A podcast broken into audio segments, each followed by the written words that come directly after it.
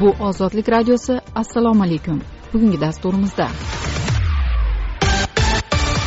yuz yil oldin qanday bo'lsak shundaymiz. Aok o'tgan asrda ishlangan filmdagi ochiq sahnani tekshirmoqda. Prezident shavkat mirziyoyev vashington diplomatik boykot e'lon qilgan pekin olimpiadasida qatnashmoqda. Senatorlar propiska degan eski tushunchani ro'yxatga olish degan yangi tushunchaga almashtirdi. Tolibon hukumati o'zbekiston ilgari surayotgan transafg'on loyihalarini o'zining rasman tan olinishi bilan bog'lanayotganini rad etdi.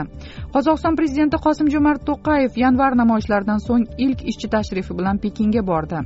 Kiyevga borgan turkiya prezidenti erdo'g'on rossiya va ukraina o'rtasida vositachilikni taklif qildi. Ozodlikda xabarlar. Assalomu alaykum. Efirda yangiliklar bilan ahmad umar senatning uchinchi fevral kuni bo'lib o'tgan yig'ilishida senatorlar propiska degan so'zni qonunchilikdan o'chirib uning o'rniga ro'yxatga olish degan atamani joriy etdi. Senat matbuot xizmatining bildirishicha bugungi kunda propiska so'zi ma'nan eskirgan va ushbu atama fuqarolar ongida to'sqinlik qiluvchi erkinlikni cheklovchi degan tushunchalarni keltirib chiqarmoqda. Shu munosabat bilan qonun hujjatlaridagi doimiy propiska qilish va turgan joyi bo'yicha ro'yxatga olish tushunchalari doimiy yashash joyi bo'yicha ro'yxatga olish va vaqtincha turgan joyi bo'yicha ro'yxatga olish tushunchalariga almashtirilmoqda. ikki ming yigirmanchi yil yigirma birinchi aprelda shavkat mirziyoyev toshkent shahri va viloyatiga doimiy propiska qilishni soddalashtirish haqidagi farmonni imzolagan edi. Buning ortidan ikki ming yigirma birinchi yilning oktyabrida oliy majlis qonunchilik palatasi propiska so'zi ma'nan eskirgani to'g'risida qaror chiqargan. Propiskaning ro'yxatga olish tushunchasiga aylantirilishi aholiga naqadar yengillik yoki foyda bergani to'g'risida ma'lumotlar mavjud emas. O'zbekiston prezidenti shavkat mirziyoyev to'rtinchi fevral kuni ikki ming yigirma ikkinchi yilgi qishki olimpiya o'yinlarining ochilish marosimida ishtirok etish uchun pekin shahriga jo'nab ketdi. Prezident matbuot xizmati ma'lumotiga ko'ra mirziyoyev mazkur tadbirga xitoy xalq respublikasi raisi si zinpin tomonidan taklif qilingan. Olimpiadaning ochilish marosimi to'rtinchi fevral oqshomida pekindagi qush uyasi milliy stadionida boshlanishi kutilmoqda. O'zbekiston prezidentining xitoyga tashrifi chog'ida qator ikki tomonlama uchrashuvlar o'tkazish ham rejalangan. Pekindagi qishki olimpiya o'yinlarining yigirmanchi fevralgacha davom etishi ochiqlangan. Aqsh o'tgan yilning dekabr oyida mazkur o'yinlarga nisbatan diplomatik boykot e'lon qilgan.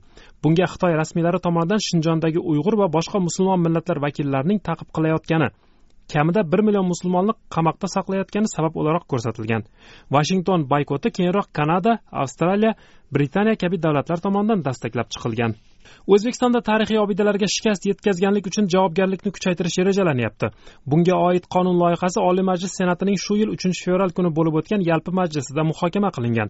Yuqori palata axborot xizmati ma'lumotiga ko'ra moddiy madaniy meros obyektlarini muhofaza qilish kuchaytirilishi munosabati bilan o'zbekiston respublikasining ayrim qonun hujjatlariga o'zgartish va qo'shimchalar kiritish to'g'risidagi mazkur qonun bilan moddiy madaniy meros obyektlarini nobud qilish buzish yoki ularga shikast yetkazganlik uchun javobgarlikni kuchaytirish bunday toifadagi obyektlarga juda ko'p miqdorda zarar yetkazganlikni ifodalovchi qilmishlarni og'ir jinoyatlar toifasiga o'tkazish turizm va sport vazirligi huzuridagi madaniy meros agentligining ijro etilishi majburiy bo'lgan ko'rsatma va taqdimnomalarni belgilangan muddatda va to'liq bajarilmaganligi yuzasidan javobgarlikni belgilash nazarda tutilmoqda.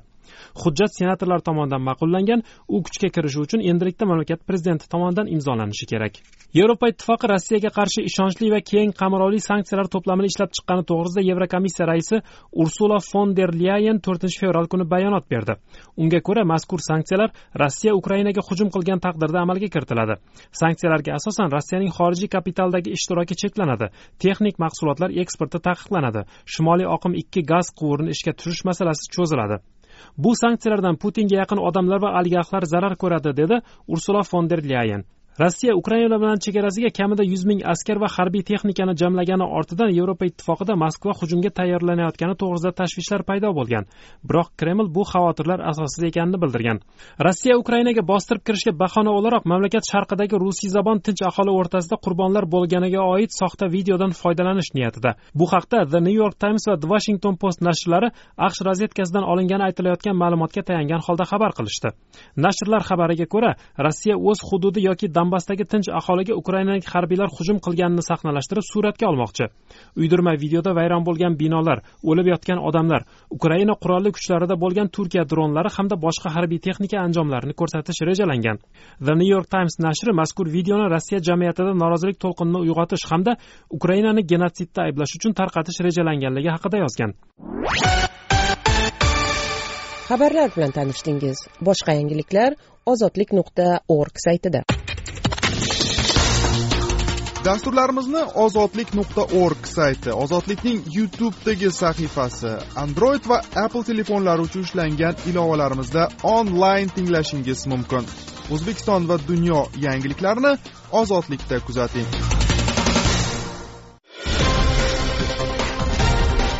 O'zbekiston tashqi siyosat.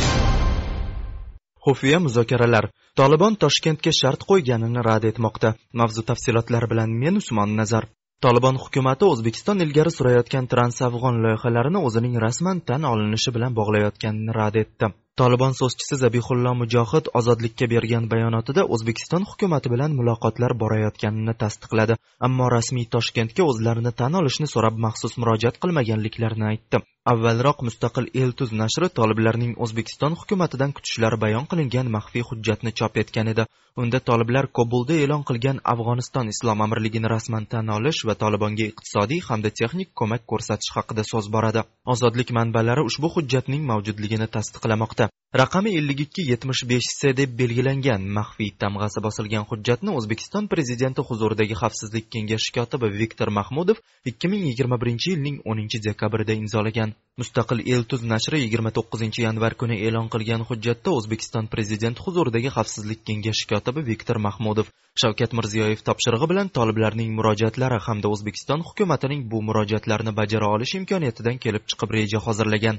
Rasman tasdiqlanmagan ammo ozodlikning hukumatdagi manbasi haqiqiyligini tasdiqlagan hujjatda toliblar tomonining o'zbekistonga murojaatlari asosida o'ttiz bir banddan iborat vazifalar ro'yxati tuzilgani aytiladi. Bular jumladan quyidagilar. Tolibon kobulda e'lon qilgan islom amirligini rasman tan olish afg'onistonga arzon narxda elektr energiyasi sotish va yig'ilgan qarzni yengillashtirib bosqichma bosqich uzish imkonini berish afg'onistondan o'zbekistonga kiradigan tovarlar uchun import bojini bekor qilish tranzit yuklar uchun bojni kamaytirish termiz mozori sharif kobul peshovar temir yo'lini tezroq qurib bitkazish afg'onistondan o'zbekistonga kiradigan avtomobillarga solinadigan to'rt yuz dollarlik bojni umuman olib tashlash tolibon xavfsizlik kuchlariga uniforma sport kiyimi va texnik yordam berish. Ozodlikning hukumatdagi manbasi iddaosicha viktor mahmudov kiritgan rejani o'sha zahotiyoq prezident mirziyoyev qabul qilgan. Manbaga ko'ra investitsiya va tashqi savdo vaziri sardor umurzoqov imzolagan maktub hujjatning qabul qilingani va ijroga yuborilganining isbotidir. Bu maktub ham eltuz nashriga sizdirildi ozodlik manbasiga ko'ra u jamoatchilikka oshkor bo'lgach vazir umurzoqov jiddiy tanbeh eshitgan. Hozircha bu maktub hamda maxfiy topshiriqlar ro'yxati haqida ozodlik savollariga rasmiylardan javob olishning imkoni bo'lmadi. Ammo tolibon matbuot kotibi zabihullo mujohid ozodlik so'roviga javoban o'zbekiston hukumati bilan temir yo'l elektr stansiyasi ta'minoti borasida so'zlashuvlar borayotganini tasdiqladi. Ayni paytda tolibon vakili toshkentga rasman tan olish haqida maxsus so'rov yubormaganini ta'kidladi. Mujohid o'z bayonotida hozir o'zbekiston va afg'oniston o'rtasidagi hamkorlikning tashabbuskori ko'proq toshkent ekaniga urg'u berdi. Ularning o'zlari o'zbekiston to'rxam yo'nalishida temir yo'lni qurmoqda hamda hamkorlik va sarmoya va'dalarini berishmoqda. Bizni tan olishlarini biz butun dunyodan so'raganmiz. Ta'kidlab aytamanki alohida davlatdan maxsus so'ralmagan. Albatta tan olinishimizda yordam berishlarini istaymiz. Biroq yaqin orada biror davlat va shu jumladan o'zbekistondan buni so'raganimiz yo'q degan mujohid. Matbuotga sizdirilgan va rasmiy toshkent izohlamayotgan hujjat hamda tolibon matbuot kotibi bergan bayonot mazmuni tomonlar o'rtasidagi borayotgan muloqot ruhiga to'g'ri keladi. O'zbekiston ikki ming yigirma birinchi yilning avgustida kobul tolibon nazoratiga o'tganidan beri ular bilan do'stona qo'shnichilik aloqalari o'rnatish niyatini bot bot takrorlab keladi. Prezident shavkat mirziyoyevning o'zi hanuz ko'pgina mamlakatlarning terrorchi tashkilotlar ro'yxatida qolayotgan tolibon bilan bunday qo'shnichilik uchun ularning o'zbekiston tomoniga o'q otmasligi kifoya ekanini bildirgan. Uning ishontirishicha afg'oniston orqali temir yo'l ochilsa o'zbekiston o'zining eksport bozorlarini diversifikatsiya qilishi qo'shni davlatlar esa o'zbekiston mahsulotlariga tranzit tariflarini pasaytirishi mumkin. O'tgan yili fevral oyida toshkentda o'tgan o'zbekiston afg'oniston pokiston muzokaralarida temir yo'lni qurish bo'yicha yo'l xaritasi qabul qilingan. Qurilishni ikki ming yigirma birinchi yil sentyabrida boshlash rejalangandi. Ammo avgustda kobulni bosib olgan toliblarning hokimiyatga kelishi bilan vaziyat tamoman o'zgargan bo'lsada rasmiy toshkentning afg'oniston bilan bog'liq rejalari o'zgarmadi. O'zbekiston siyosat. Aoka o'tgan asrda ishlangan filmdagi ochiq sahnani tekshirmoqda. Tafsilotlar bilan hurmat bobojon. Sevimli telekanalida namoyish etilgan sabriya seriali atrofidagi mojaro o'zbekistondagi rasmiy axloq odob normalari va senzura borasidagi bahslarni yana bir marta kun tartibiga olib chiqdi. Hozirning o'zida telekanal rahbariyatidagi iste'folar va u bilan afillangani aytilayotgan o'zbekiston kinematografiya agentligi rahbari firdavs abduxoliqovga qarshi manfaatlar to'qnashuvi bilan bog'liq tekshiruv hamda mahkamaga sabab bo'lgan mojaroga rasmiylar ijtimoiy tarmoq va kinochilarning munosabatlari turlicha. Vaqti vaqti bilan yuz beradigan bu kabi mojarolar manzarasida o'zbekistonda nimani ko'rish mumkinu nimani ko'rsatish mumkin emasligi haqidagi munozaralardan tortib liberalizm va an'anadorlik davlatning axborot siyosati hamda media makonidagi raqobatga qadar turli farazlar ilgari suriladi. O'ttizinchi yanvar kuni kinoteatr telekanalida namoyish etilgan baunchi filmidagi yarim yalang'och qabila ayollarining tasvirlari tarmoqlarda e'tirozlarga sabab bo'ldi. O'tgan asrning saksoninchi yillarida dengiz sarguzashtlari janrida olingan xorijiy film namoyishi yuzasidan o'zbekiston axborot va ommaviy kommunikatsiyalar agentligi dastlabki o'rganish ishlarini olib borayotgani va ekspertlar tayinlanganini ma'lum qildi. Oradan bir kun o'tib telekanal mas'ullaridan biri ishdan olindi yana biriga hayfsan berildi. Rejissyor rojer donaldson suratga olgan va mel gibson bosh rolni o'ynagan baunti filmi ekran yuzini ko'rganiga qariyb qirq yil bo'ladi. Filmda qabila ayollarining ko'kragi ochiq yurgani aks etgan bir necha soniyalik sahnalar bor. O'zbekistonlik taniqli fotosuratchi va hujjatli film ustasi umida ahmedova yigirma birinchi asrda qirq yil oldin olingan filmning mentalitetga to'g'ri kelmaydi deyilayotganidan tasvif bildiradi. Biz qanday davlat islomiy davlatmi yo dunyoviy? Jadidchi bobolarimiz yuz yil oldin aytgan gaplar shu kunda ham aktual bo'lib qolyapti. Masalan munavvar qori abdurashidxonovning turkiston gazetasida bir ming to'qqiz yuz yigirma uchinchi yilda chiqqan so'zlari bugun yevropa xalqi osmonga uchar ekan bizda soch soqol muhokamada deb aytgan deydi ahmedova.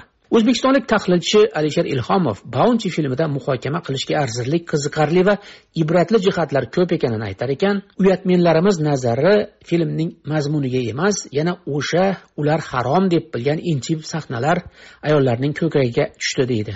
Bu ajablanarli emas. Madaniy va mafkuraviy muassasalarni butun jamiyatga o'z g'oyalarini singdiruvchi boboylar boshqaradigan mamlakat uchun xosdir bu deya so'zida davom etadi ilhomov. Bloger aqida xanum tarmoqlardagi dodvoyga qarab telekanal faoliyatiga baho berish xodimlarni jazolash noto'g'ri deya fikr bildiradi.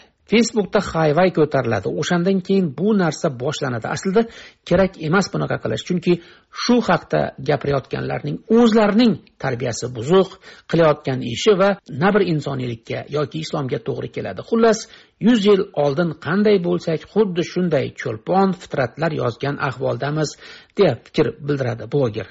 O'zbekistonda telekanallarda namoyish etilayotgan behayo sahnalar yuzasidan e'tiroz birinchi marta kuzatilayotgani yo'q.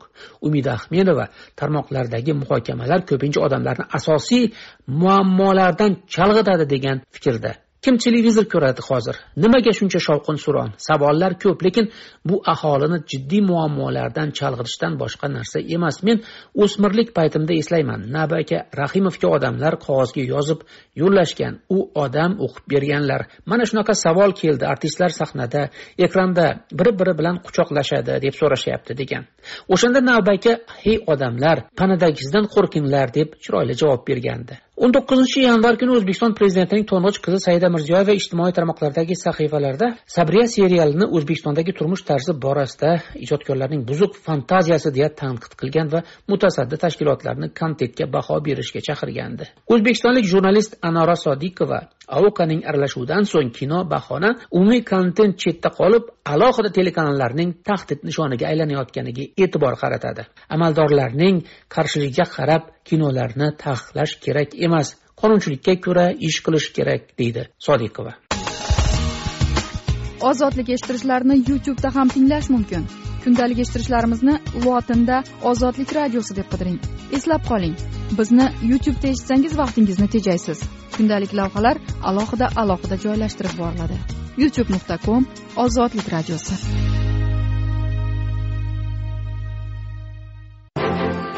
Ozodlik radiosi. Mintaqa yangiliklari toqayev pekinga bordi. Bu uning yanvar voqealaridan keyingi ilk xorijiy safaridir.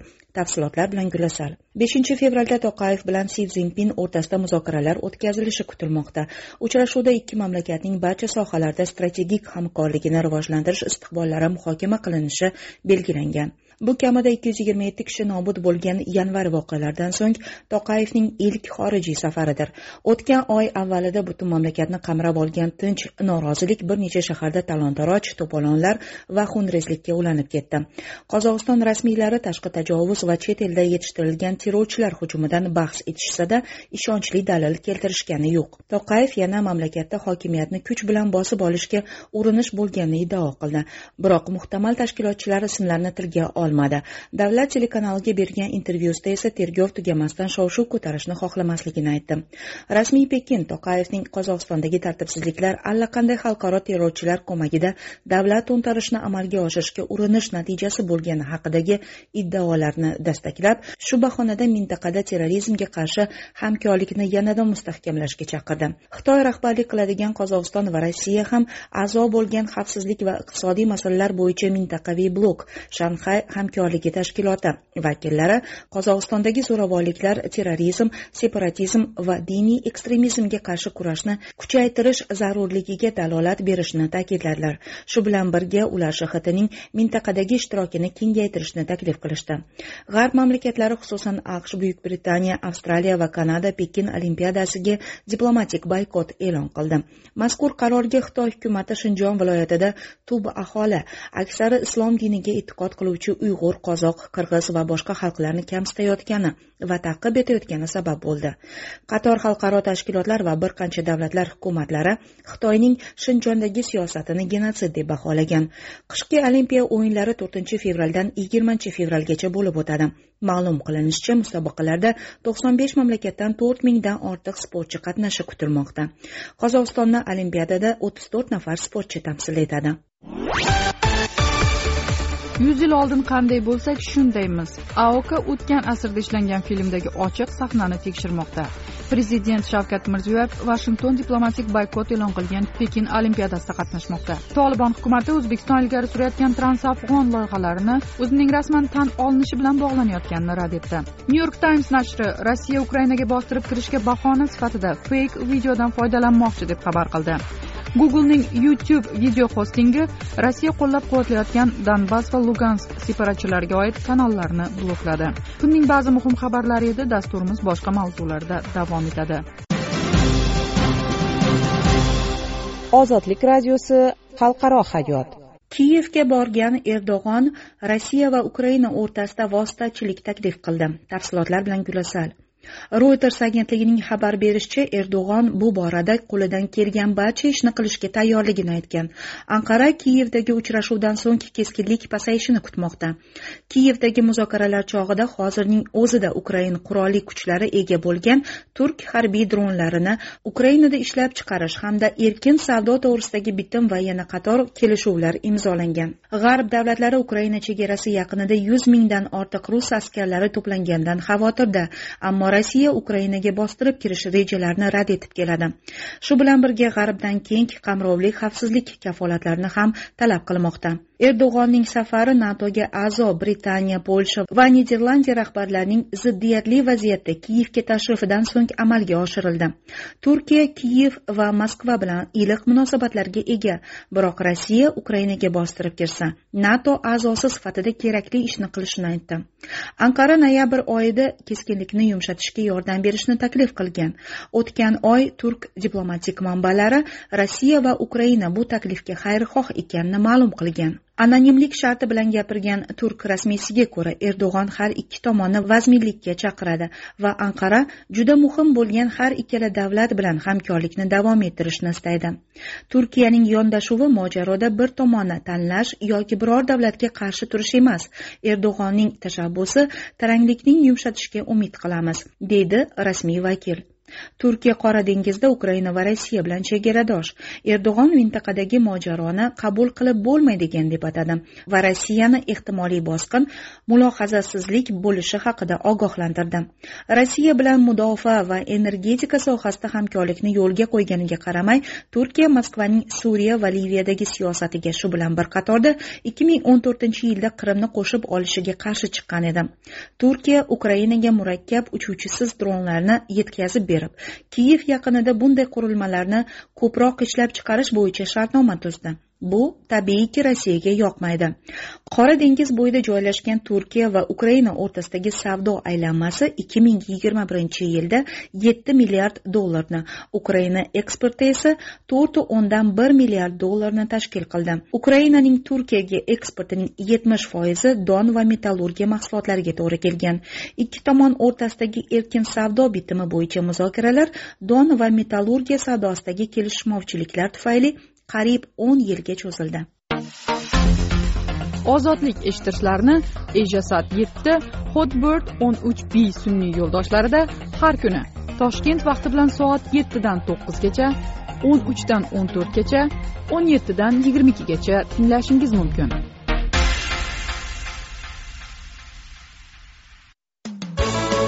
Ozodlik radiosi. O'zbekiston iqtisodiyot o'zbekiston yevropa bankidan rekord darajada qarz oldi. Mablag'lar qanday sarflanmoqda? Tafsilotlar bilan hurmat bobojon. Qarorgohi pragada joylashgan bank watch tashkiloti o'zbekistonga yuzlab million dollar kreditlar ajratayotgan yevropa tiklanish va taraqqiyot banki loyihalarda shaffoflik va muloqot yetishmasligidan xavotir bildirmoqda. Nodavlat tashkilotining aytishicha ochiqlikning yo'qligi mablag'larning maqsadli sarflanishini savol ostiga qo'yadi. Yevropa tiklanish va taraqqiyot banki o'tgan yilda o'zbekistonga rekord darajada ko'p olti yuz to'qson million aqsh dollari miqdorida kredit ajratgani xabar qilingan. Ayni paytda bankning yevropa va markaziy osiyo bo'yicha bosh so'zchisi anton usov ozodlik bilan suhbatda bank watch xavotirlarni rad etdi. Britaniyada chiqadigan financial times nashri ayni paytda o'ttizinchi yanvar kuni e'lon qilgan maqolada demokratiya bo'yicha qat'iy mandatga ega bo'lishiga qaramay yttb ya'ni bank yillik o'n milliard yevro miqdoridagi kreditning salmoqli qismini avtoritar boshqaruv amalda bo'lgan mamlakatlarga yo'naltirganini tanqid qilib chiqdi. Yevropa taraqqiyot va tiklanish banki o'zbekistonga katta miqdorda sarmoya kiritayotganini ta'kidlagan bank watchning jamiyatni qo'llab quvvatlash bo'yicha koordinatori nina lesixina ozodlik bilan suhbatda bu mablag'larning bank maqsad qilgan aholi ravnaqi va ekologik farovonlik yaratishga hissasini ko'rmayotganini aytadi. Lesixina fikricha bank o'zbekistonda moliyalagan shirkatlarda jumladan indarrama agro shirkatida xodimlar quldek ishlatilgani fermerlar yeri tortib olingani bilan bog'liq huquqbuzarliklar bankning vaziyatni baholash tizimi zaifligini ko'rsatadi. Bank aslida puxta ma'lumot asosida qaror qabul qilishi kerak. Oldin islohot keyin mablag' islohotlar qancha ko'p bo'lsa sarmoya shunchalik ko'p bo'lishi kerak. Jumladan qonun ustuvorligi ommaviy axborot vositalari erkinligi inson huquqlariga hurmat kabi sohalarda. Lekin amalda bu yondashuv o'zbekistonda ishlamayapti. Mamlakatga katta sarmoya oqyapti islohotlar esa faqat qog'ozda deydi lisixina bank watchning bu xavotiri yevropa tiklanish va taraqqiyot banki ikki ming yigirma birinchi yilda o'zbekistonga rekord darajada ko'p olti yuz to'qson million aqsh dollarlik kredit ajratgani haqidagi xabarlar ortidan yangradi. Bank o'tgan yili o'zbekistonda muqobil energiya ishlab chiqarishdan tortib kichik biznesni rag'batlantirishgacha bo'lgan yigirma ikkita loyihani moliyalagan. Shuningdek bank o'tgan yili ozodlik surishtiruv markazida bo'lgan indarama mchj klasteriga qishloq xo'jaligini modernizatsiya qilish paxta va boshqa ekinlarni almashtirib ekishni rag'batlantirish uchun oltmish million aqsh dollari miqdorida mablag' ham ajratgan. Bank millionlab dollar kredit bergan indarama agro shirkati o'tgan yili fermerlar yerni tortib olish va xodimlarni quldek ishlatish bilan bog'liq mojaro markazida qolgan edi. O'tgan yil may oyida esa shirkatning sirdaryodagi o'nlab ishchisi oyliklari qisqarib ketgani va mehnat qonunchiligi buzilayotganiga norozilik bildirib velosipedda yurish ham qilgan edi. Bankning sharqiy yevropa markaziy osiyo bo'yicha bosh so'zchisi anton usov ozodlik bilan suhbatda indorama agro mojarosi hamda o'zbekistonda mablag'lar maqsadsiz sarflanayotgani bilan bog'liq da'volarni rad etdi. O'zbekiston paxta sanoati og'ir o'tmishga ega ekanini aytgan anton usov indarama o'zbekistonga yangi texnologiyalar bilan kelganini ta'kidlaydi. Cotton campaign human rights watch kabi tashkilotlar ham o'zbekistonda majburiy mehnatga barham berildi degan xulosaga keldi. Indarama o'zbekistondagi paxta sektorining kelajagi va biz buni qo'llab quvvatladik deydi usov. Uning ozodlikka aytishicha bank mahalliy fuqarolarning mehnat va boshqa huquqlari buzilayotgani haqidagi iddaolar yuzasidan faollar bilan doimiy muloqotni yo'lga qo'ygan. Bankwatchdagi hamkasblarimizning xulosasini hurmat qilamiz. Ularni masalaga o'z qarashi bor ularni huquqi bu deydi anton usov ozodlik radiosi. Inson huquqlari diplomat o'zbekistonda bir biridan juda farqli ikki bloger so'zi uchun jazolandi. Tafsilotlar bilan gulasal. Fozilxo'ja orifxo'jayev yigirma oltinchi yanvar kuni o'zbekiston jinoyat kodeksining ikki yuz qirq to'rtinchi birinchi moddasi. Jamoat xavfsizligi va jamoat tartibiga tahdid soladigan materiallarni tayyorlash saqlash tarqatish yoki namoyish etish. Uchinchi qismi er bandida nazarda tutilgan jinoyatni sodir etganlikda aybdor deb topildi va yetti yilu olti oy muddatga ozodlikdan mahrum etildi. Bu jazoga orifxo'jayev ikki ming yigirma birinchi yilning oltinchi martida facebookda yozgan posti asos bo'ldi. Bloger o'z postida boshqa din vakillarini diniy bayramlari bilan tabriklash to'g'ri yoki yo'qligi haqida o'z fikrini bildirgan. Ammo orifxo'jayev bu postni yozganidan keyin bir necha oy o'tgach qo'lga olindi. Xabar qilinishicha bloger ikki ming yigirma birinchi yilning yigirma oltinchi iyunida boshqa bir bloger va ulamo abror abduazimov va'z o'qiyotgan toshkentdagi to'xtaboy masjidiga boradi. U yerda orifxo'jayev hukumatparast bloger abduazimovni ikkiyuzlamachi deb ataydi. Yigirma sakkizinchi iyun kuni ichki ishlar xodimlari orifxo'jayevni chaqirtirib uni mayda bezorilikda ayblab hibsga olishgan hamda uyali telefonini tortib olishgan. O'sha kuni sud blogerni o'n besh sutkaga hibsga olish to'g'risida hukm chiqargan. Toshkent sudi orifxo'jayevni hibsga olish muddatini avval uch oyga keyinroq ikki ming yigirma birinchi yil o'n uchinchi dekabrgacha uzaytirgan. Abduazimovning yaqinda qamoq jazosiga hukm qilingan boshqa bloger miraziz bozorovning ishiga ham aloqasi bor. Bozorov bloger va huquq faoli bo'lib o'zbekiston hukumatini ochiqchasiga tanqid qilib hamda o'zbekistonda bir jinsli shaxslar o'rtasida jinsiy aloqani dekriminallashtirishga chaqirib tanilgan.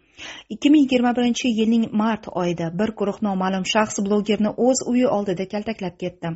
Hodisa toshkent markazidagi amir temur xiyobonida yapon anime animesi va koreys pop musiqasi tadbirini lgbt anjumani deb o'ylagan olomonning allohu akbar degan hayqiriqlardan ko'p o'tmay yuz bergan. Og'ir tan jarohatlari olgan bozorov kasalxonaga yotqizilar ekan toshkent shahar ichki ishlar bosh boshqarmasi blogerning o'zini ayblab chiqdi. Bozorov ustidan sud to'rt nafar shaxsning da'vosi asosida ko'rildi. Bular yuqorida tilga olingan bloger abduazimov youtube tarmog'idagi kanali bilan tanilgan shuhrat musayev telegram tarmog'ida faoliyat yurituvchi bloger abu solih salimov hamda toshkentdagi bir yuz o'ninchi maktabning bir o'qituvchisidir. Xabarlarga ko'ra o'qituvchi e'tiroziga bozorov tiktok tarmog'ida maktab qul kampirlar va omadsizlar yosh avlodni qul va omadsiz bo'lishga o'rgatadigan joy degan gapi asos bo'lgan. Yigirma birinchi yanvar kuni toshkentning jinoyat ishlari bo'yicha mirobod tuman sudi shu kunga qadar uy qamog'ida saqlanayotgan bozorovga uch yil ozodlikni cheklash jazosini tayinladi.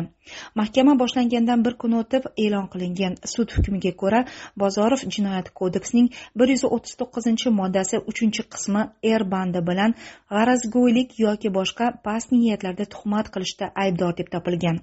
Maqola muallifiga ko'ra bu ikki bloger ishi o'zbekistonda so'z erkinligi cheklangani hamda so'z va ifoda erkinligi ustidan davlat nazorati saqlanib qolayotganini ko'rsatadi. Dekabr oyida human rights watch tashkiloti orifxo'jayevga qo'yilgan asossiz ayblovlarni bekor qilish va uni zudlik bilan ozod qilishga chaqirgandi. Tashkiloti o'z bayonotida orifxo'jayevning fikrlari kim uchundir bahsli bo'lishi mumkinligi ammo zinhor jinoyat emasligini ta'kidlagan. Ozodlik to'lqinlarida siz o'zbekiston markaziy osiyo va dunyoda bo'layotgan voqealar rivojini biz bilan birga kuzatishda davom eting. Xayrli kun.